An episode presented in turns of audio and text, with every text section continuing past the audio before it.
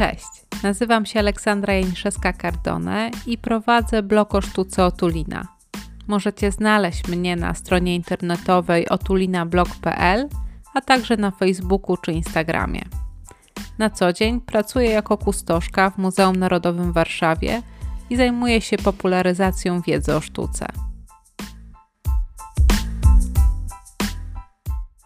Przychodzę dzisiaj do Was po tygodniu leżenia plackiem i picia ciepłych herbatek i kaszlenia w chusteczkę, więc przepraszam Was, że znowu mój głos nie jest może taki aksamitny i będzie miejscami chropawy, podejrzewam, przy tej opowieści ale tak sobie myślałam też, co mogłabym Wam opowiedzieć po tygodniu marazmu e, intelektualnego. Jak zawsze w takich chwilach z pomocą przychodzi sztuka i opowieści, które ze sobą niesie. I chociaż obraz, o którym Wam dzisiaj opowiem, nie należy do moich ulubionych, ale łączą sobie wiele wątków, które są zarówno ciekawe, a również e, interesujące do dalszego, może nawet samodzielnego rozwinięcia. Opowiem Wam dzisiaj o dziele Agnolo Bronzino, Alegoria czasu i miłości, albo tak jak to podaje strona National Gallery w Londynie, gdzie znajduje się obraz Alegoria z Wenus i Kupidem. To dzieło powstało około 1545 roku, niezwykle precyzyjnie, wręcz emaliowane kavaliersko wykonane, które stanowi wyzwanie interpretacyjne dla kolejnych badaczy, którzy starają się zrozumieć istotę tego dzieła. I to niezależnie od faktu, że jest ono opisane już w 1568 roku przez Giorgio Vasariego, tego, który stworzył żywota wielkich artystów swoich czasów i między innymi opisuje on tam właśnie postać Agnolo Bronzino, który miał stworzyć obraz niezwykłej piękności, wysłany następnie do króla Franciszka, e, króla francuskiego i na tymże dziele miała być naga Wenus całująca się z Kupidynem. Po jednej stronie miały znajdować się przyjemność, zabawa, i inne e, miłostki, a po drugiej oszustwo, zazdrość i inne namiętności miłosne. Czyli dzieło to już przez samego Wazariego zostało w pewnym sensie zidentyfikowane, zostało opowiedziane. Natomiast e, wciąż nie do końca wiadomo, jak je odczytywać.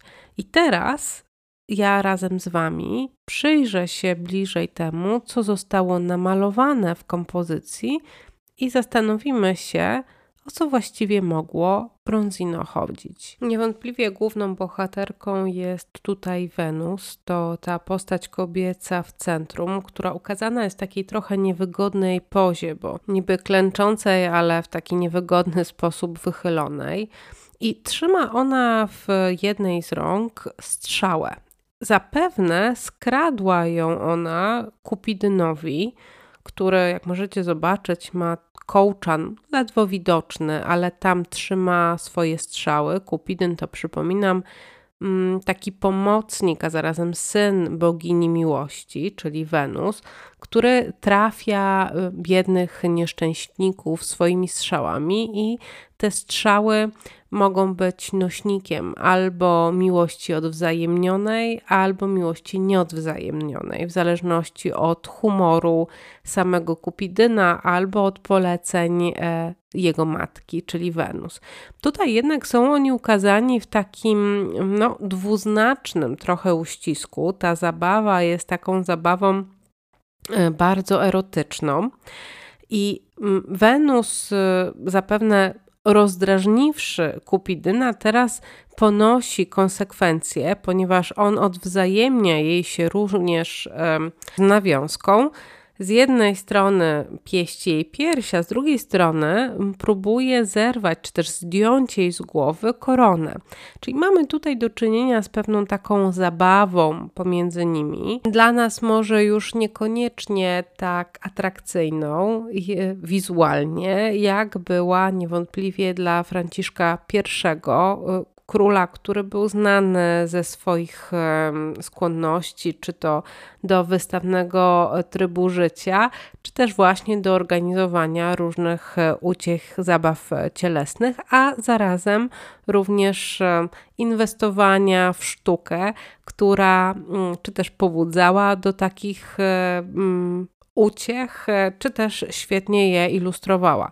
I tutaj dzieło to zdaje się być e, bardzo dobrze trafionym prezentem, prezentem, który trafił e, w gusta króla, ofiarowanym mu zapewne przez Kosmę Medyceusza, władcę we Florencji, który to zatrudniał Bronzino jako swojego nadwornego malarza. I wedle jednej z hipotez, wspartej tutaj tym wspomnianym opisem z Wazariego, to dzieło miałoby być prezentem od Kosmy właśnie dla Franciszka I. Kiedy przyjrzymy się dokładnie, zobaczymy, że Wenus, choć niby w całości naga, ma właśnie na głowie ową koronę, a w ręku trzyma złote jabłko.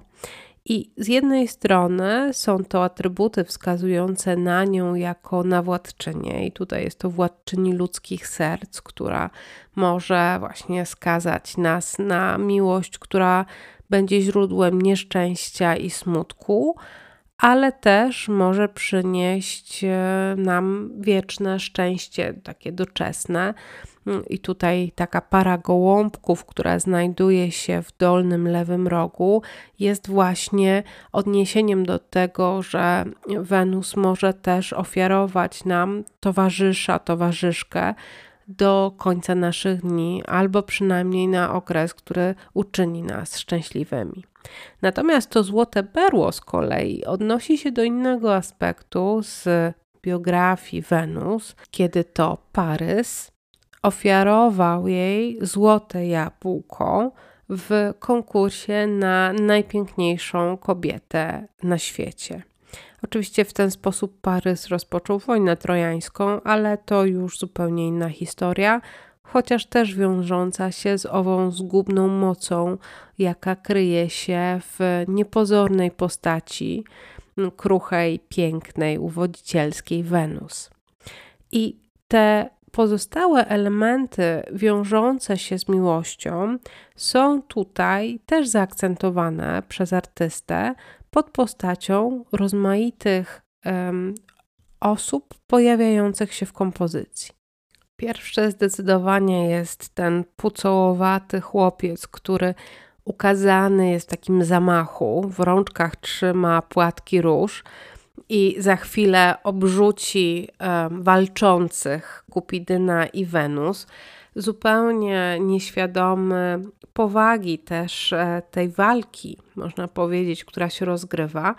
I jest on tutaj uosobieniem takiej nierozsądnej przyjemności. Zobaczcie, że ma też bransoletkę z dzwoneczkami na kostce, a jednocześnie też mm, w tej całej takiej swojej radości i byciu pociągniętym przez tą zabawę, której, jak mu się wydaje, jest częścią, nie zauważa kolca, który ma wbity w prawą stopę.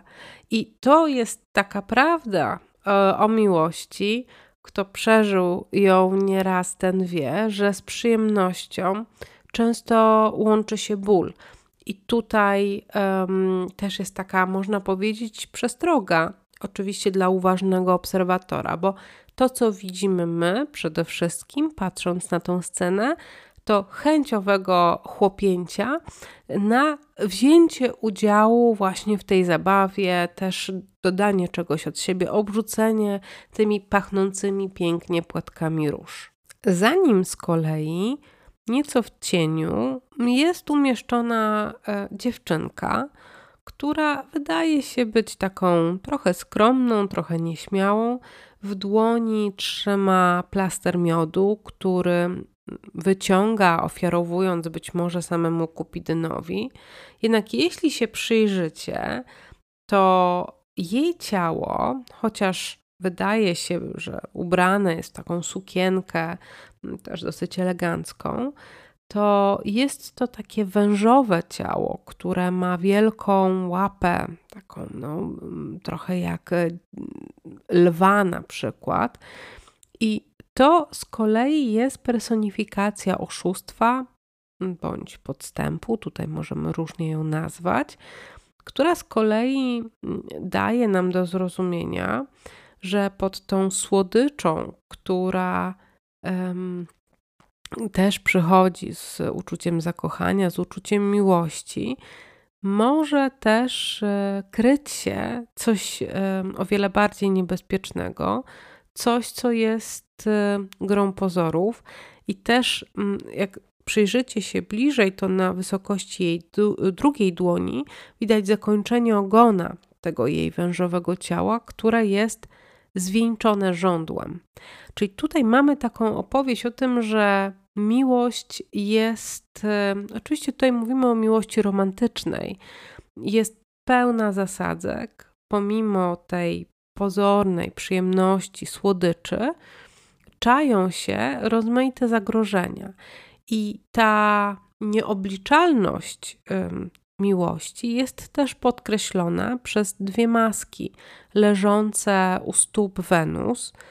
To są maski oczywiście no, męskie, ale one są też maskami teatralnymi. To są maski, które kiedy aktor je przywdziewał, stawał się konkretną personą, rozpoznawalną dla widzów, ale jednocześnie ta maska skrywała prawdziwą tożsamość aktora. Oczywiście tutaj też mamy nawiązanie do tego, co może dziać się między kochankami.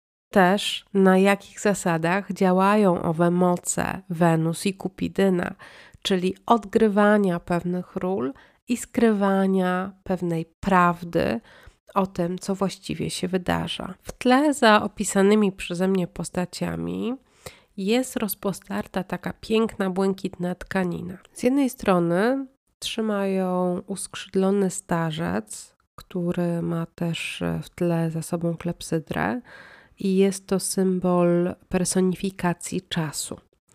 I on e, próbuje tą tkaninę w zasadzie jakby zabrać, zerwać, chyba odkryć, przeciwstawiając się jednocześnie działaniom drugiej postaci, która również trzyma ową tkaninę z lewej strony, postaci bez właściwości, postaci, która ma też nałożoną maskę, całkowicie gładką, która sprawia, że nie jesteśmy w stanie w ogóle rozpoznać jej rysów. I jest to personifikacja zapomnienia. Czyli tutaj czas walczy niejako też sam ze sobą, bo przecież czas również przynosi zapomnienie, ale tak jakby czas chce przeszkodzić zapomnieniu w zakryciu tego wszystkiego, na co patrzymy, czyli przykryciu gdzieś tą przyjemną, piękną tkaniną, tak jakby pozostawić e, całe te wydarzenia związane z działaniem miłości, pozostawić e, świeże gdzieś we wspomnieniu. Więc tu mamy tą sytuację w tle i nie opowiedziałam Wam jeszcze o jednej postaci, która w zasadzie jako jedyna jest e, ukazana w takiej brzydocie też całej swojej oczywistości i całej prawdzie o sobie samej, ponieważ pozostałe postaci, nawet ten czas, który tutaj w pewnym sensie po prostu jest starcem, jest ukazany z taką pewną idealizacją. Wszystkie te postaci, które opisałam, są młode, piękne, o takiej jasnej skórze. I chociaż e, czy jak ta przyjemność, zabawa, czy jak ten podstęp tutaj w postaci dziewczynki, one dopiero później ujawniają tą swoją drugą stronę, tą nieprzyjemną stronę, która przynosi ból, która przynosi cierpienie. Natomiast e, postać, która skrywa się za Kupidynem, to zazdrość. I ona y, ma postać takiej starej, osoby, nie wiemy w zasadzie czy kobiety, czy mężczyzny, pogrążonej w rozpaczy, z takim grymasem bólu i cierpienia. Jej cała postać jest ciemna, brzydka, nieprzyjemna, ale można by powiedzieć, że na tle tego, co przed chwilą powiedziałam, jako jedyna jest szczera i prawdziwa. I to jest ta zazdrość, która również wiąże się właśnie z igraszkami Wenus i Kupidyna w naszym codziennym życiu.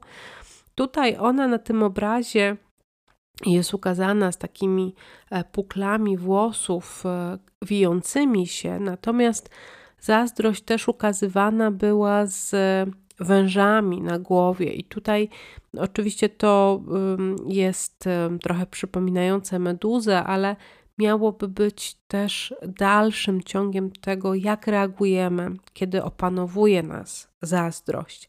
Czyli jeszcze kąsamy, e, jeszcze sami jesteśmy źródłem mm, tego cierpienia, tej nieprzyjemności, i tutaj też ta postać, poprzez tą swoją taką nieatrakcyjną powłokę, również widzu ma wywoływać takie natychmiastowe wrażenie, pewnej no, niesympatyczności, um, tych wszystkich negatywnych aspektów, jakie wiążą się z zazdrością.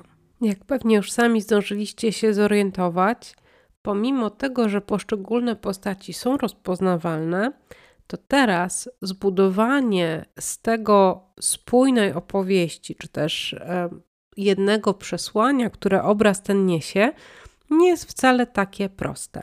I oczywiście było to zgodne z duchem czasu, kiedy to w XVI wieku poezja, zwłaszcza miłosna, wciąż królowała na dworach arystokratycznych czy też monarszych. I to dzięki niej na, moglibyśmy tutaj próbować znaleźć rozwiązanie zagadki, jaką chce nam dać Bronzino. Jednak nie jest ona jednoznaczna. E, Bronzino, tak samo jak inni malarze jego czasów, jego poprzednicy, tutaj wielki Michał Anioł, sam również parał się tworzeniem poezji. Było to oczywiście w dobrym tonie, żeby artyści posiadali więcej niż tylko jedną umiejętność i na pewno znajomość poezji, umiejętność pięknego wysławiania się, budowania metafor, e, czy też odniesień, tak jak tutaj, do mitologii, zapośredniczonej również przez literaturę antyczną, jak najbardziej była wskazana. I to tak na dworze Medyceuszy, gdzie, jak wspomniałam, Bronzino był zatrudniony, ale także na dworze takich elokwentnych monarchów, do jakich niewątpliwie należał Franciszek I. I tu to dzieło niewątpliwie jest przestrogą. Przestrogą nad poddawaniem się takiej zgubnej e, miłości, opartej jedynie na nadziei, że przyjemności, które ona przynosi, nigdy nie skończą się e, jakimś bólem, zawodem, cierpieniem, a to dzieło niewątpliwie przypomina o owej łyżce dziegdziu, która no, zawsze w beczce miodu, według przesłowia, potrafi się znaleźć. Ja oczywiście spłycam tutaj tą wymowę, ona także związana jest niewątpliwie z samym aspektem estetycznym tego dzieła, bo tak jak Wam wspomniałam, wszystkie postaci poza um, zazdrością mają takie wręcz posągowo piękne ciała. One są trochę niepokojące w swoich proporcjach, e, takie powykręcane o lekko wydłużonych członkach, czasem dosyć tak e, wręcz boleśnie e, ułożone, gdybyśmy mieli sobie wyobrazić, że sami przyjmujemy taką pozę. I te wszystkie elementy również idą w zgodzie ze sztuką, która w tym czasie powstawała, ponieważ we Włoszech jest to moment już panowania manieryzmu. Manieryzmu, który wówczas postrzegany był jako naturalna konsekwencja rozwoju idei renesansu, owego naturalizmu, harmonii, proporcji, które w manierystycznym wydaniu były przetwarzane przez takie wysoce zintelektualizowane postawy, dążące do nadania sztuce, nadania formom w tej sztuce, takiego wyrafinowania, nienaturalnej elegancji, którą widzimy tutaj w tym dziele. I tego, co również przebija się z mm, twórczości w ogóle Bronzino, czyli mm, pewnej sztuczności specjalnie wprowadzonej. Ona miała dawać też świadectwo owego kunsztu e, i umiejętności samego artysty, który sięgając po narzędzia sztuki, sięgając po ideały współczesnej sztuki, potrafił stworzyć dzieło atrakcyjne estetycznie, ale też w pewien sposób niepokojące, i kryjące w sobie zagadkę. I tutaj ta zagadka również e, jest elementem sztuki manierystycznej, owego nastawienia na takie pełne intelektualnego skomplikowania dzieło. I temu był wierny Bronzino. Tutaj również polecam e, Waszej uwadze przed jego portrety, jak również e, jego nauczyciel Pontormo, którzy doprowadzili w swojej twórczości te założenia do najwyższej, do najwyższej formy. I był to też sposób tworzenia sztuki niezwykle ceniony na ówczesnych dworach europejskich. I choć dla nas dzisiaj już ten intelektualny aspekt pozostaje bardzo mocno nieczytelny, bo przypominam, że najbardziej pomogłoby nam po prostu przebywanie w kręgu tych samych postaci, tej samej literatury, tych samych poematów, które słuchali, które tworzyli, które czytali ówcześni odbiorcy kultury, i wtedy moglibyśmy spróbować odczytać wieloaspektowość znaczeń tego dzieła. Ale cóż, dziś nie możemy tego sami zrobić, ponieważ jest to bardzo żmudna praca. Natomiast możemy przynajmniej częściowo cieszyć się po pierwsze pięknem wykonania tego dzieła, a po drugie próbą samodzielnego rozwiązywania tej łamigłówki właśnie w oparciu o te tropy, które jesteśmy w stanie sami w tej chwili rozpoznać. Czyli mamy coś w rodzaju przedstawienia, nie wiemy o czym jest sztuka, ale przynajmniej wiemy, kim są postaci, jakie grają role, jakie mają um, w samym dramacie, i dzięki temu możemy spróbować domyślić się, jak przebiega akcja. Przynajmniej mam nadzieję, że dzięki wysłuchaniu tego odcinka jesteście właśnie wyposażeni w taką nową wiedzę. Tyle ode mnie dzisiaj. E, mam nadzieję, że ten mój głos, który znowu czuję, że gdzieś tam e, zaczyna e, się tak spłaszczać, nie przeszkodzi Wam w wysłuchaniu tego odcinka z przyjemnością, a my słyszymy się za tydzień.